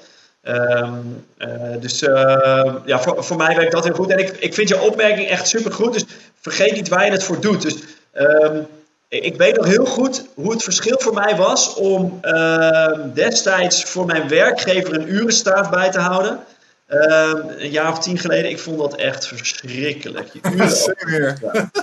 Zo kut. Voor, voor mezelf mijn eigen uren vastleggen, mijn eigen facturen, maar al die, mijn hele eigen administratie van mijn onderneming, vind ik echt geen enkel punt. Ik weet precies waar ik het voor doe. Ik vind het leuk, ja. de boel aan kant trekken, uh, belangrijk om het op orde te hebben. En dat zie ik met mijn persoonlijke financiën ook. Ik, heb, hè, ik, ik zeg het wel eens over meditatie, dat het voor mij is een soort van mentale hygiëne. Dus het helpt mij. Ik voel me gewoon frisser als ik even op een stoel heb gezeten. Kom ik overigens vrij slecht aan toe met een klein kind, kan ik je tussendoor vertellen. um, dus ik, ik, voel me ook mentaal wat minder fris de, laatste maanden. Um, maar maar het, de, de, en dan maak ik vaak de vergelijking met in je bed liggen en je tanden niet gepoetst hebben. En denken, oh kut, ik ben het vergeten. Weet je, dat komt, overkomt maar één keer per jaar. Dan ga ik meteen mijn bed uit. Dan ga ik mijn tanden poetsen. Omdat dat gewoon, ja, dat voelt zoveel beter. Daar, daar haal ik een zieke discipline rondom tandenpoetsen vandaan. Omdat het gewoon veel fijner voelt. Met, met, met meditatie heb ik daar, daar eenzelfde soort ervaring. Maar met je geld bijhouden werkt het ook zo. Het, het voelt gewoon zoveel eh, financieel schoner, opgeruimder. Eh, die grip die is gewoon heel veel waard. Dus ja. Zou iedereen aanraden om, al begin je in Excel, weet je wel, uh, zo'n tool is overigens gratis die ik net noemde. Um, en, en, als je iets meer features wil betalen, echt, weet ik veel, 12 euro per jaar of zo, het gaat helemaal nergens over. Um, maar uh, al begin je in Excel, um, weet je, perfect. Als je maar iets, als je ergens maar begint met een klein beetje grip nemen op. Ja, en het, het, valt wat mij betreft onder de categorie hygiëne. Hè? Want je, je, geeft het aan over lijfelijk, je geeft het aan over financieel. Uh, er zijn, uh, dit valt bij mij, als, je, als ik even een kleine plug van mijn boek mag doen, Get Your Shit Together. dit valt onder het stukje onderhoud. Um, en, en, sommige dingen moeten periodiek worden onderhouden. Bijvoorbeeld een urenregistratiesysteem. Moet je eens in zoveel tijd even inkloppen. Um, maar ook die stapel enveloppen die sommige mensen lijken te verzamelen in een of andere kast waar ze ze vooral maar niet zien, weet je wel. Moet je zo af en toe bekijken. Nou, jij hebt het wel goed op orde als ondernemer, eh, je relatie met je facturatie. Dus misschien ook omdat je er iets verder in bent. Inmiddels vind ik het ook leuk en doe ik het direct. Maar um, toen ik net begon met ondernemen, was mijn relatie met geldvragen voor mijn diensten uitte zich daar in terughoudendheid in het versturen van facturen. Ik heb wel zes maanden op een factuur gezeten, weet je wel. Um, oh, dus, ja. uh, dus dat. Um, maar het, wat mij heel erg geholpen heeft, is mezelf dwingen. Uh, en dat klinkt niet zo prettig, maar vaste tijden allokeren uh, hiervoor. En wat ik doe is, ik heb een één week in de vier weken, dat is mijn return home week. Is een deload week. Maar daar bak ik ook tijd in voor onderhoud, reflectie, downtime. Maar ook het onderhouden van cruciale systemen, zoals bijvoorbeeld mijn facturatie, mijn administratie. Dat is waar ik typisch, toen ik nog in de auto zat, mijn kilometerdeclaraties deed. Want dat was mijn broertje dood in de moderne context, of in de nieuwe context. Dus geen uurregistraties, maar kilometerdeclaraties. Ja. Maar, uh, maar het moet gebeuren. En dat deed ik dan op één vast moment in de maand. En dat is misschien voor mensen die daarmee worstelen ook wel een hele fijne om een beetje stok achter de deur te hebben. Het gewoon periodiek in. Doe het niet ad hoc wanneer je uh, de paniek voelt, dan is het vaak te laat. Als je het gevoel hebt van, oh shit, ik had mijn tanden moeten poetsen op financieel gebied, is het misschien al iets te laat. Dus Mooi, super mooi. Dus, dus, dit is voor mij, hè, dit, is wat ik bij mensen die met meditatie iets willen, wat ik altijd roep. Ik doe het op een vast moment. Het begin van de dag is, is eigenlijk het, het mooiste moment. Weet je, dan ben je nog fris. Ehm, en dan kun je ook niet verliezen in andere dingen van ja, maar ik ben nu eh, iets aan het lezen. Of ik ben nu uh, aan het werk. Of ik heb er nu geen zin. Um, dus, dus op zo'nzelfde manier doe het aan het begin van de maand. Kijk, bij, bij, mij hoeft het niet omdat, ja, dat is gewoon die beta in mij, die ingenieur die het gewoon leuk vindt om eventjes shit, uh, weet je wel, netjes te maken. maar, maar met meditatie heb ik dat wel nodig, bijvoorbeeld. Omdat mijn, mijn hoofd houdt gewoon van prikkels. Die heeft nooit zin om zelf op een stoel te gaan zitten. En dan helpt het me om daar een vast moment voor te hebben. Ja, um, ja dus ja perfect. Wat um, om te zien is uh, ja, gewoon je kikker eten. Want, want voor, voor de meeste mensen is, is, het een, is het een KUT-klus. Uh, en, en, net wat je zegt, begin, echt KUT-klusjes altijd in het begin van de dag. Dus als je meditatie niet leuk vindt, doe het aan het begin van de dag. En de reden is echt super, super eenvoudig. Wilskracht is een spier. Begin van de dag ben je het frist. Dus als je iets moet doen wat veel wilskracht kost, dus je moet mentaal zwaar tillen, ja, doe je dat aan het begin of aan het eind van je dag. Ik denk aan het begin van je dag als je nog fit bent, fris bent. Dus, uh, weet je, ik vind die, die Eat That Frog vind ik echt de beste tip op, uh, zeg maar, in het, in het voorkomen van de uitstelgedrag die er is. Ik, voor mij werkt dat zo goed om gewoon, als ik ergens mee zit, om te zeggen, oké, ik vind het heel kut, maar ik ga het meteen doen vandaag. Dan ben ik er vanaf. En, en als je dat een aantal keer gedaan hebt, dan heb je dus ook positieve feedback gekregen hè, op, op, op het op die manier aanpakken ja, je leven wordt echt zoveel relaxter. Ja, nou, het is wat jij zei, hè? Uh, die hygiëne die je hebt toegepast voelt op een bepaalde manier. Het voelt lekker als je financiële shit voor elkaar hebt. Ja. Stel je nou eens voor dat dat een hekelpunt is voor jou. Je hebt dat aan het begin van je dag uh, heb je dat al gefixt. Het is nog geen negen uur en die kutklussen is al geklaard. Hoe denk je dat de rest van die dag gaat voelen? Is zo chill. zo chill. Dus dan, dan al, mijn vibe is dan vaak, nou, dat is relaxed heb. Wat ga ik nu nog meer doen? Uh, waar anders zit ik, oh ja, ik moet straks dat ene ding nog doen, dat vind ik irritant. Oké, nou, wat ga ik nu dan doen? Ik heb geen zin. Ja. Uh, en, um, ben je dus, ook een mens. Je, je denkt, ja, maar die ene kutklus die kost heel veel energie. Ja, maar... De laatste kaarten zijn beschikbaar voor het Ride of Passage Retreat op 24, 25 en 26 mei. Ben jij erbij? Het is een volgende stap in je persoonlijke groei. Uh, een weekend waarbij de belofte is dat het een tikkeltje oncomfortabel gaat worden. Maar daar ligt natuurlijk wel gewoon de groei om meer helderheid te krijgen in je leven. Om uit je hoofd te komen, in het lichaam. Um, achter te laten wat je niet meer dient.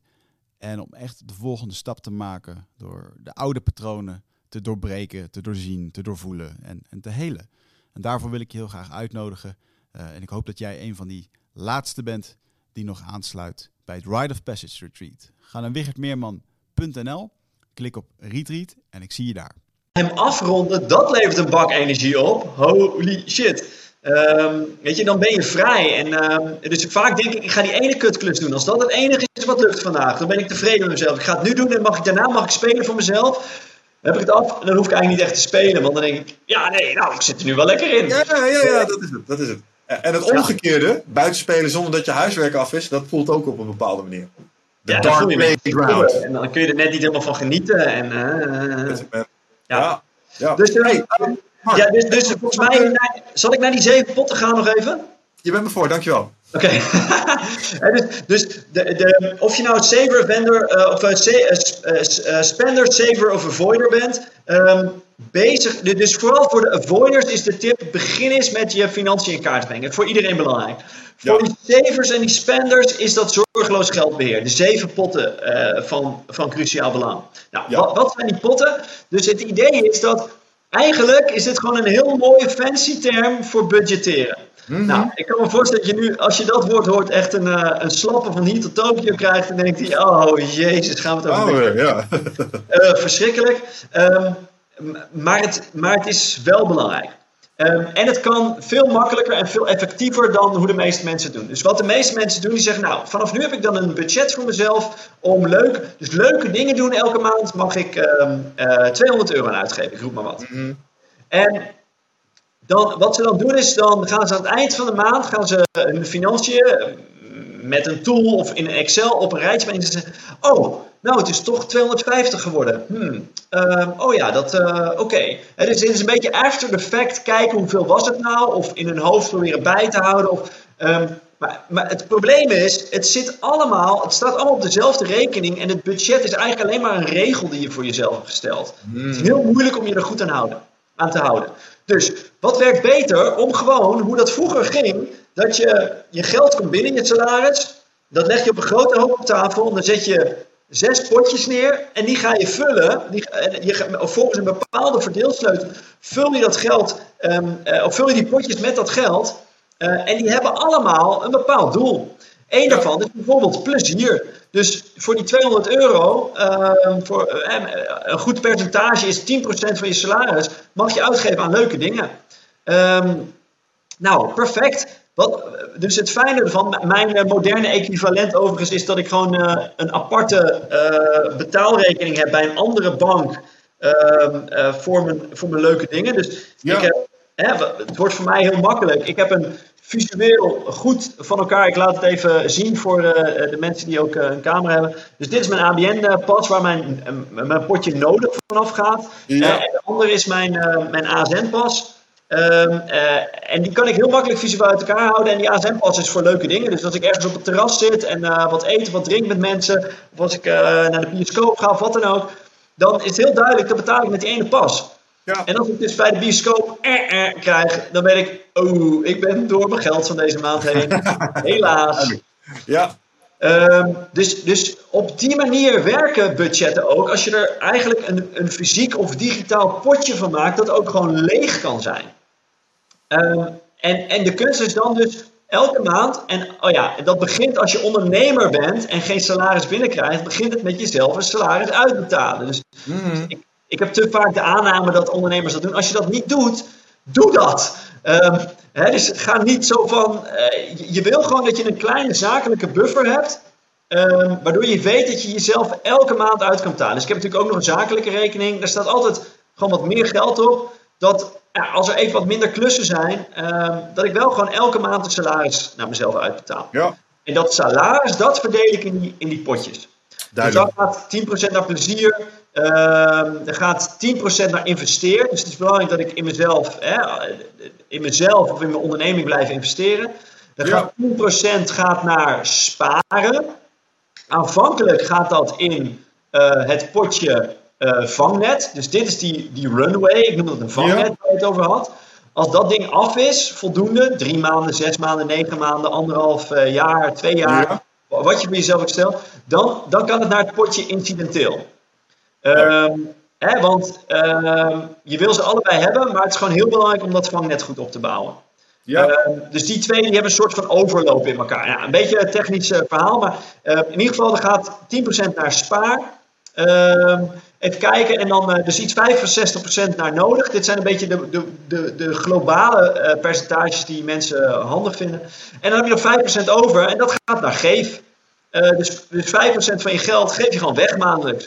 Nou, waarom? Omdat het belangrijk is. Omdat Ja. je hier in Nederland woont, ziek veel geld hebt vergeleken met mensen in de rest van de wereld. Ehm, en het volgens mij ook ergens je morele plicht is om een gedeelte van je geld weg te geven. Hoe ik het leerde was, ehm, nou eigenlijk een beetje in lijn met, je, met een van jouw overtuigingen, geld is energie. Hè? En, en, en ehm, eh, als je het universum laat zien dat je het bereid bent weg te geven, dan komt het ook makkelijker naar je terugvloeien. ja. Ehm, ik weet niet of ik in die universumovertuiging geloof. Ik vind het wel een mooi beeld overigens. Eh, dus ik kan daar prima in mee. Maar, maar zelfs als je daar niet in gelooft. ehm, ja, weet je. eh, het is ook lekker om grip te hebben op. Dus, dus voor, de, eh, voor de savers. Weet je, geef wat meer geld weg. Voor de spenders, geef wat minder geld weg. Weet gewoon elke maand precies hoeveel dat is. Door daar Ja. ook een aparte rekening voor te hebben. Waar geef jij je geld aan weg? Is vraag maar. Ehm, even kijken. Ik, ehm, eh, het IFAW, eh, het Wereld Natuurfonds, War Child volgens mij. Ja. Ehm, wat heb ik nog meer? Ik heb, ik heb eh, begin dit jaar heb ik eh, voor een aantal heb ik het voor vijf jaar vastgelegd. Eh, hospitaalbroeders heb ik gaat geld heen. Ehm, dus ik heb een aantal goede doelen die, die verschillende dingen in de wereld doen eh, die ik belangrijk vind. Ehm, en, ik, en een vriend van mij heeft een groot, dat heet Stichting Yoghurt Project Oeganda. Die heeft een groot project dat begon met, nou dat, dat, ging, dat draaide om yoghurt ehm, en, en, en koeien en, en dat soort dingen. En dat is nu meer microfinanciering. Dus daar gaat ook een gedeelte van mijn geld heen. Omdat ik gewoon heel tof vind dat hij dat ooit in Oeganda heeft opgezet. Ja. Ehm, en het lekker kleinschalig is en, en heel direct bij de mensen. Dus ik heb wat, wat, wat, wat kleinere projecten dicht bij mensen en wat, eh, wat grotere organisaties. Eh, en ik heb dus voor vijf jaar vastgelegd, omdat het dan fiscaal weer. eh kijk, ik weet dat ik toch de komende jaren 5% van mijn inkomsten wil blijven weggeven. Ehm, Ja. En, en, en liever ergens nog dat percentage misschien wat, wat opschroeven. Ehm, maar het, het, het, het lullig is natuurlijk ook dat toen ons kind geboren werd, toen kwamen er kosten bij, zoals opvang en eh, andere kosten eh, van Oh, die ik- kleine. Waardoor mijn, nood, dus mijn totale salaris dat ik nodig had om mezelf uit te keren groeide. Dus doordat het jongetje erbij kwam, hè, dus, dus het percentage hetzelfde gebleven. Maar ik geef nu ook meer weg aan goede doelen, omdat ja, mijn footprint is gewoon eh, groter geworden. Oh, Ehm, ja, dus ehm, en, en dan als je mee hebt geteld, zijn we dan tot zes potten gekomen volgens mij. Dus ehm, plezier, eh, nodig, vangnet, eh, investeer, ehm, incidenteel en eh, deze geef. En dan is er dus een zevende en dat is, ik weet even niet meer welke naam het heeft, maar dat is omdat, ik, omdat je hem in principe niet, dat is iets van Up for Speel heet die volgens mij. Ehm, dus de, de zevende pot mo- moet eigenlijk geen geld heen, maar heel veel mensen laten er heel veel van hun geld heen vloeien. Dus waar hebben we het dan over? Sportschoolabonnementen die je niet gebruikt. ja. Boetes in het verkeer. Ehm, abonnementen waar je te veel geld voor betaalt. Ehm, hè, terwijl je het veel goedkoper zou kunnen ja, ja. eh, abonnementen die je op zich wel gewoon bij de goedkoopste eh, provider hebt afgesloten, maar waar je niet achteraan hebt gebeld voor een korting. Dus je kunt gewoon bijvoorbeeld, ik heb drie jaar lang eh 11 euro per maand korting gekregen van de NS. Dat is gewoon voor een, minuut, een belletje van vijf minuten, drie jaar lang 360 euro besparen. Ja, dat, dat is gewoon. Kan uit. of, eh, ja hoor. dat is gewoon eh, best, wel, eh, best wel wat waard. Of eh 360 klopt niet. Ehm, eh, maar ruim iets van 140 euro. Ehm, weet je, dat soort dingen, ehm, ja, dat, dat, dat scheelt. Dat, dus in, in je levensstijlkosten laag houden, wil je eigenlijk dat er nul geld naar het potje uh, verspild gaat. En bij heel veel mensen gaat er heel veel heen. Vooral bij avoiders, omdat ze allerlei abonnementen hebben lopen die ze niet gebruiken. boetes krijgen die automatisch worden afgeboekt, waar ze, waar ze geen, geen benul van hebben. Dat soort zaken. Dus dat is gewoon zonde. Die je wat ik hieronder vind vallen voor mezelf, als ik hem even voor mezelf betrek, is eten dat wordt weggegooid. Mooi. Dat is uh, echt een pet peeve van mij. Ik, daar, ben ik echt heel erg op gaan letten. En dat gebeurt me echt vaak, jongen. En die voel ik op twee niveaus. Ik vind het zonde uh, van, het, van de centjes, maar ik vind ook verspilling in, in, in, duurzaamheid, zeg maar. We, moeten wat zuiniger met de dingen die we opmaken omgaan en dingen weggooien. Waar bijvoorbeeld vlees weggooien vind ik het allerergste wat er is. Daar is iets voor gestorven, weet je wel. Um, ja. Uh, en dat vind ik daar ook onder vallen.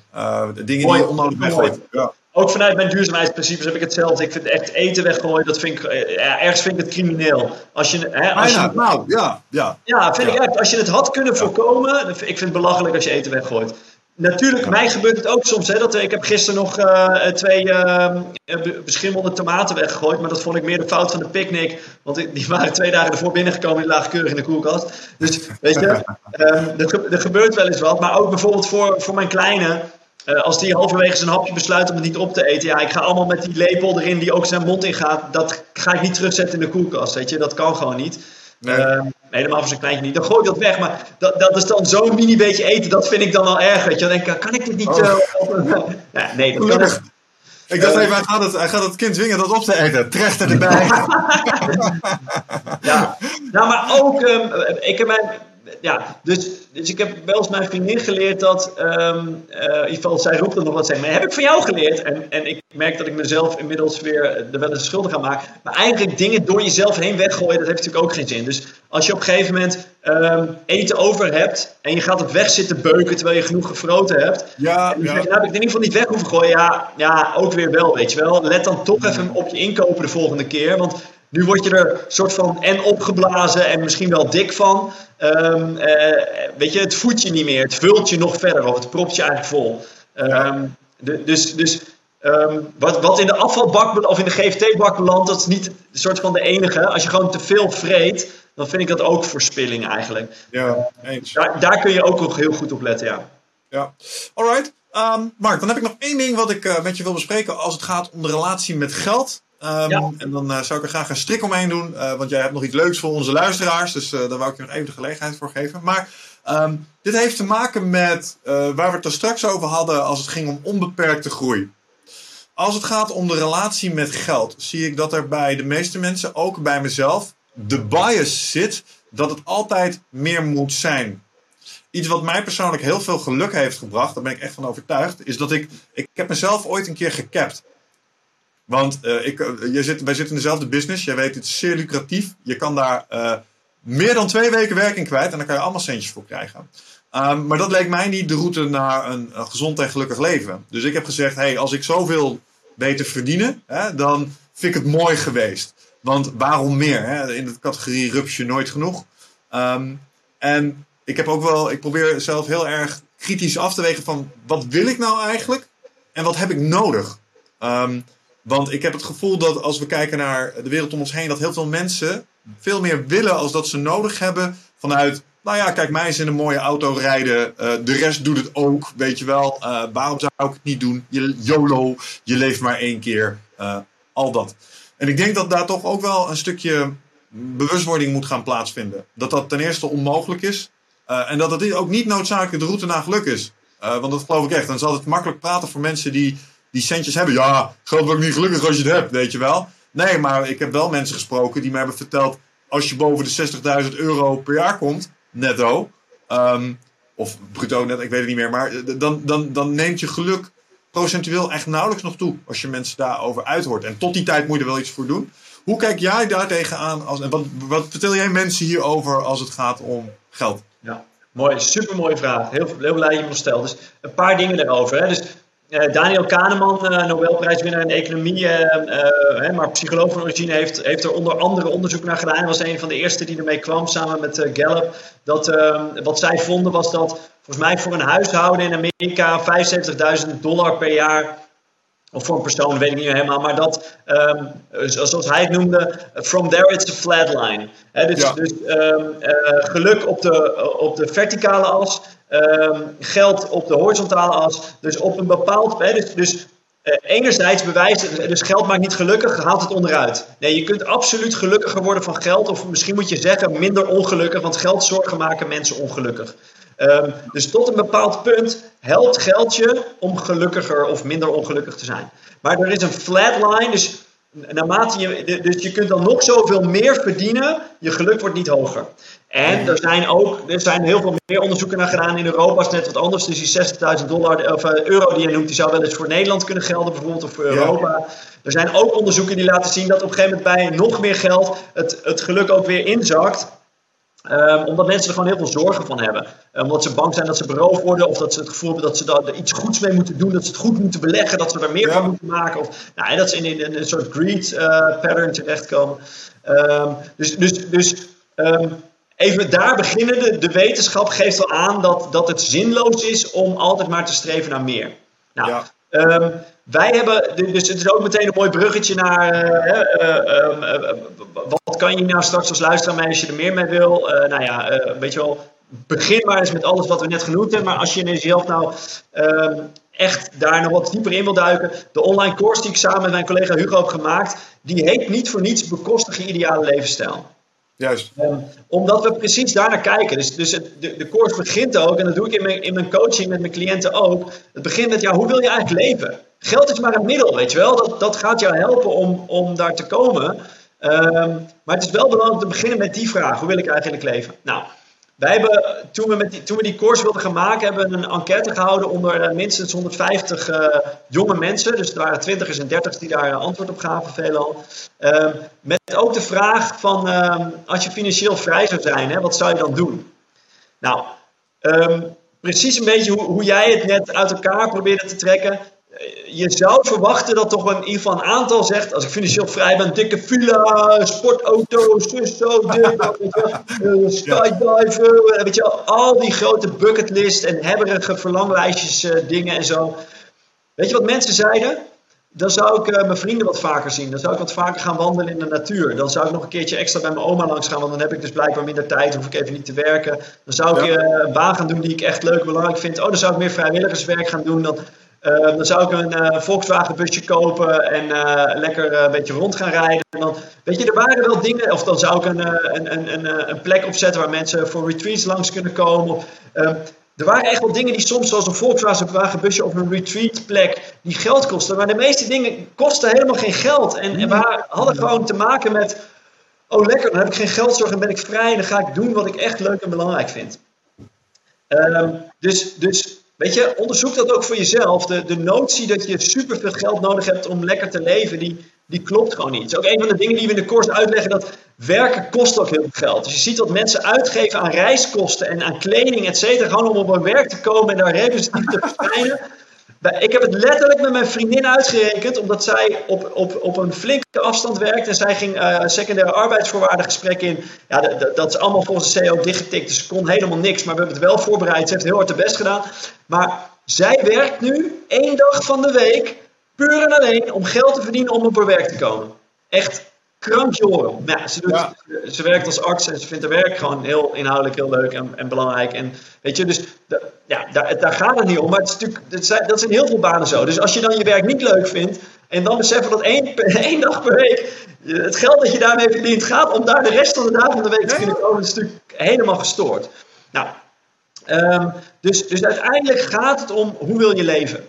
En wij laten mensen twee dingen uitrekenen. Eén is een soort van een beetje een minimalistische versie van je ideale leefstijl. Dus stel dat je niet zou hoeven werken, maar wel een beetje op de kosten let. Wat zou je dan nodig hebben? Nou, dan komen mm. mensen erachter dat ze helemaal niet zo heel veel geld nodig hebben. Um, en dan heb je dus een getal waar je naartoe kunt werken. Nou, laten we mensen ook nog eens. Hey, en nu, hè, weet je, wat meer dromen. Dus uh, toch wat, uh, wat breder en wat rijker en wat meer. Hoe zou je leven er dan uitzien? Nou, dan komen ze ook op een getal. En dat is wel wat meer geld. Maar er zit wederom wel een cap aan. Hè? Dus, ja. dus, het is, dus er zijn er weinig die dan uh, meer dan een uh, miljoen belegd vermogen nodig hebben. Mhm. Eh, weet je? Terwijl er natuurlijk genoeg mensen zijn die dat miljoen al hebben en nog steeds keihard aan het werk zijn om er meer van te maken. Ja. En dat komt gewoon omdat ze, omdat ze geen bedrag hebben. Ze hebben geen, nooit een getal met zichzelf afgesproken waar, waar de bovengrens ligt. Um, en wat er dan gebeurt volgens mij is, hè, als we nog even terugcirkelen naar de psychologie van, van de mens. We zijn natuurlijk allemaal kleine kinderen. En, en als je ons geen soort van, als je een kind geen afgebakend gebied geeft, ja, dan voelt hij zich ook niet zo vrij om, om goed te spelen en dan, dan doet hij maar wat. Mm -hmm. dus het helpt ook om, om een, een, een financieel doel voor jezelf helpt niet alleen om, om misschien wat harder te werken om daar te komen en om, om die discipline op te brengen, maar ook om op een gegeven moment ergens te zeggen: stop, zo is het dus genoeg. Um, en, en, en het kind in ons heeft regels nodig. Dus als je het kind geen regels geeft, dan gaat hij door en door en door. Dus je moet gewoon, weet je, ik moet, dit is de les voor elke jonge ouder. Het is niet dat je kind op een gegeven moment gaat slapen en dat je hem dan op zijn bed legt met een kleine baby. Nee, je moet hem overdag op zijn bed leggen en dan gaat hij slapen als hij moe is. Um, dus hetzelfde met ons. Soms hebben, heeft het kind in ons regels nodig. Zoals bijvoorbeeld een regel voor mezelf is dat ik maar drie trainingen of, of, of workshops of lezingen per week mag geven. Hè? Dus maar op drie verschillende dagen mag dat doen. Ja, ik ben er gewoon te introvert voor om er meer te doen. Dan word ik gewoon, weet je, dat kost me te veel energie. Ja, um, Zo'n regel helpt me heel veel. Want dat maakt dat ik niet elke keer bij elke aanvraag los moet overwegen. Zou dat nu nog passen? Ja of nee? Het is gewoon heel simpel. Ik heb er al drie deze week, dus nee. ja. Voor coaching en voor werk voor mezelf. Um, hè, of die week die jij zegt, één week uh, per vier weken om, om, om even mijn shit te worden. Zo'n regel helpt dat je niet de hele tijd hoeft te denken: heb ik nu alweer zoveel werk opgebouwd dat ik even voor mezelf moet gaan zitten? Dat kost veel te veel mentale energie. Ja, dus, man. Dus dat is ook mijn, mijn antwoord op die vraag: van, is er een cap? Is dat handig? Is dat nodig? Ja, absoluut. Anders dan verlies je jezelf in, um, in, in, in, in je greed, in je behoefte om altijd maar meer te hebben, denk ik. Ja, ja en, en nou, het spreekt over wat je zegt, hè, want waar je het over helpt, je kan ineens regeltjes afspreken met jezelf. Van ik ga in een periode van X zoveel centjes verdienen om dit aan de kant te kunnen zetten, conform dit modelletje. En dan ben ik er over die tijd. En ineens, als we dan weer teruggaan naar. Uh, dat werkt op allerlei manieren. Dat werkt niet alleen voor centjes, dat werkt voor vitaliteit, dat werkt voor ondernemerschap, voor wat het ook maar is. Zodra je concreet wordt over wat het is wat je daadwerkelijk zegt. Dus financiële vrijheid, wat zeg je nou eigenlijk echt? Ja, dat ik zoveel per maand op deze rekening gestort krijg uit die activiteiten, zodat ik deze kosten kan betalen. Oké, en nu kunnen je hersenen ineens de weg er naartoe vinden. Weet je wel? Als, als ik jou uh, aan, een, uh, aan een snel stromende rivier zet waar je niet overheen komt. En ik zeg tegen jou, kom aan de overkant. Uh, dan ineens ga jij alles ga jij bekijken als of instrument of obstakel. En jij bent gemaakt als mens, als een soort patronenkennend probleemoplossend machientje. Jij gaat de weg daar naartoe uitpuzzelen. Dus als jij zegt over vijf jaar een runway van twee jaar op die bankrekening. En jij gaat daar tien minuten over nadenken, dan vind jij de weg. Maar alleen zeggen geld op mijn bankrekening is niet genoeg. Dus wat je, wat je mensen daar heel mooi laat doen, is verhelderen. Maak het maar concreet. En dan gaan er dingetjes aan in ons.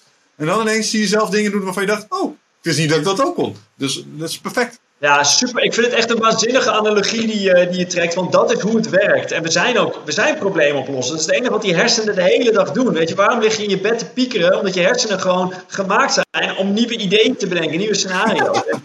en, ja, en, en, en en dan kan het zijn, dus ik denk dat er ook wel luisteraars zijn die zeggen, maar dat vind ik, ik heb namelijk veel cliënten die vinden het eng om doelen te stellen, want ze zijn bang dat hun toekomstige ik hun gaat afrekenen als ze het doel niet gehaald hebben. Dat is echt volstrekte waanzin. Je bent veel milder voor jezelf dan je denkt, vooral omdat je zult zien dat als je je doel niet gehaald hebt, dat je er best wel dichtbij bent gekomen en voor mij is bijvoorbeeld, ehm, ik leerde ooit over financiële vrijheid en dit sprak me aan en ik wilde meer mee, maar ik merkte ook dat ik het nog steeds oppervlakkig vond. Waarom wil ik financieel vrij zijn? Weet je wel, wat is dit nou voor een hip, millennial, uh, persoonlijk ontwikkelingsachtig hoek dingetje? Ja, ja, ja, per se.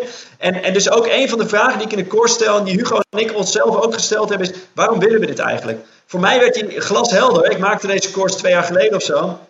Um, voor mij was het glas helder. Als, als ik ooit vader mocht worden, dan zou ik het super chill vinden dat ik zelf kan kiezen hoeveel tijd ik aan mijn zoon besteed, aan mijn kind besteed. Dat bleek uiteindelijk een zoon te worden. Um, uh, en hoeveel tijd uh, aan werk.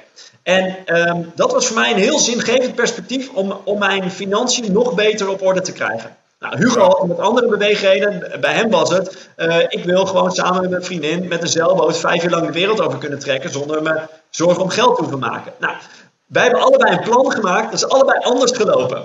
bij Hugo was het zo dat um, het op een gegeven moment veel sneller ging. Hij is een, uh, met, met, met zijn daytrader en met andere dingen, dat, dat, dat hij zijn financiële plan zoveel sneller voor elkaar lijkt te gaan hebben, dat hij over een jaar al weggaat. terwijl dat nog niet de bedoeling was. Bij mij gebeurde het dat ik aan allerlei knoppen aan het draaien was voor mijn, mijn working income en mijn passive income en noem maar op. En denk corona, weet je wel, de shit hit ja.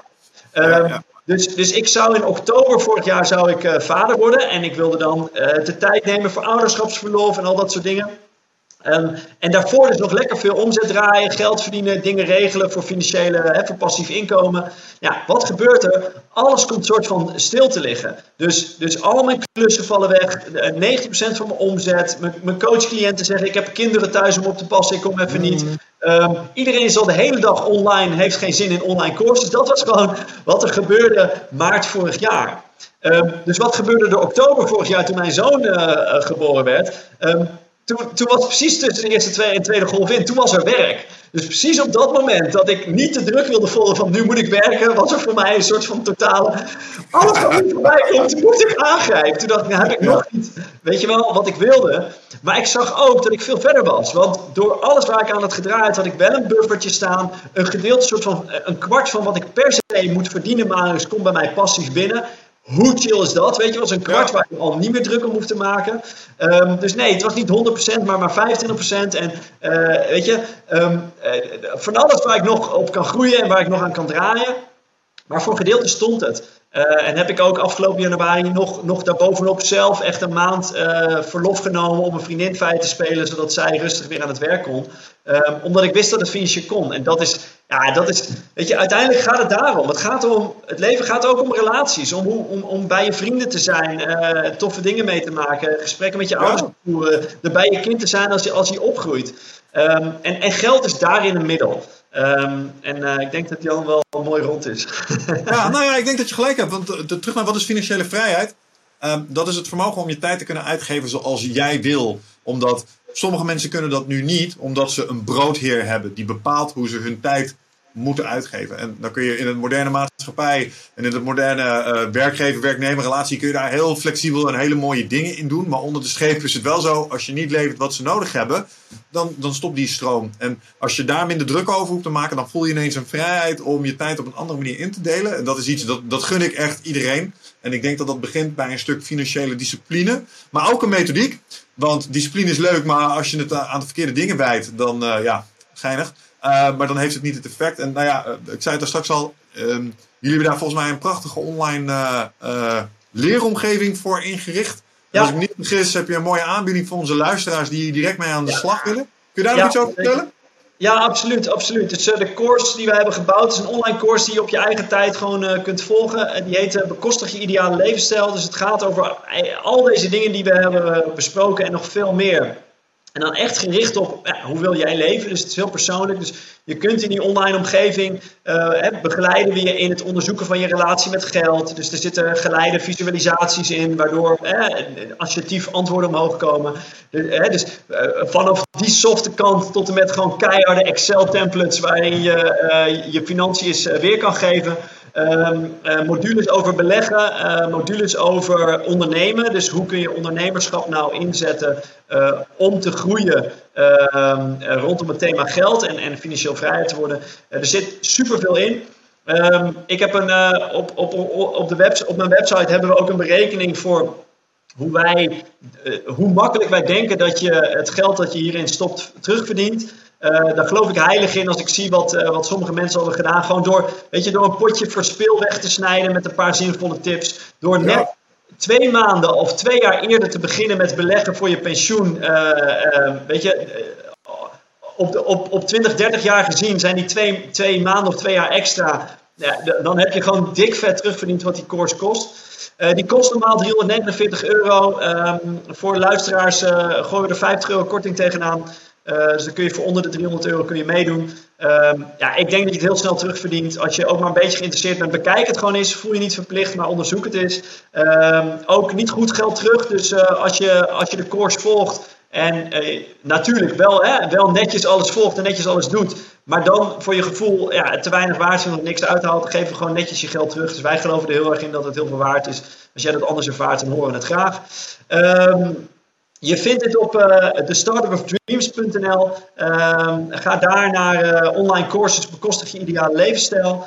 Um, en, uh, en ja, daar staat heel veel informatie nog. Lees die rustig. En, uh, en uh, laten we de kortingscode eindbazen. Heel simpel. Dus met kortingscode eindbazen krijg je, krijg je 50 euro korting. En kun je er lekker mee aan de slag. Hugo en ik lezen altijd mee. Dus alle comments. je, zit in een een beveiligde omgeving. Mensen kunnen niet met jouw comments meelezen, uh, maar andere, andere deelnemers wel en wij ook. Dus je kunt daar gewoon mooi reflecteren op alle lessen, uh, je, je inzichten delen, maar ook je vragen stellen.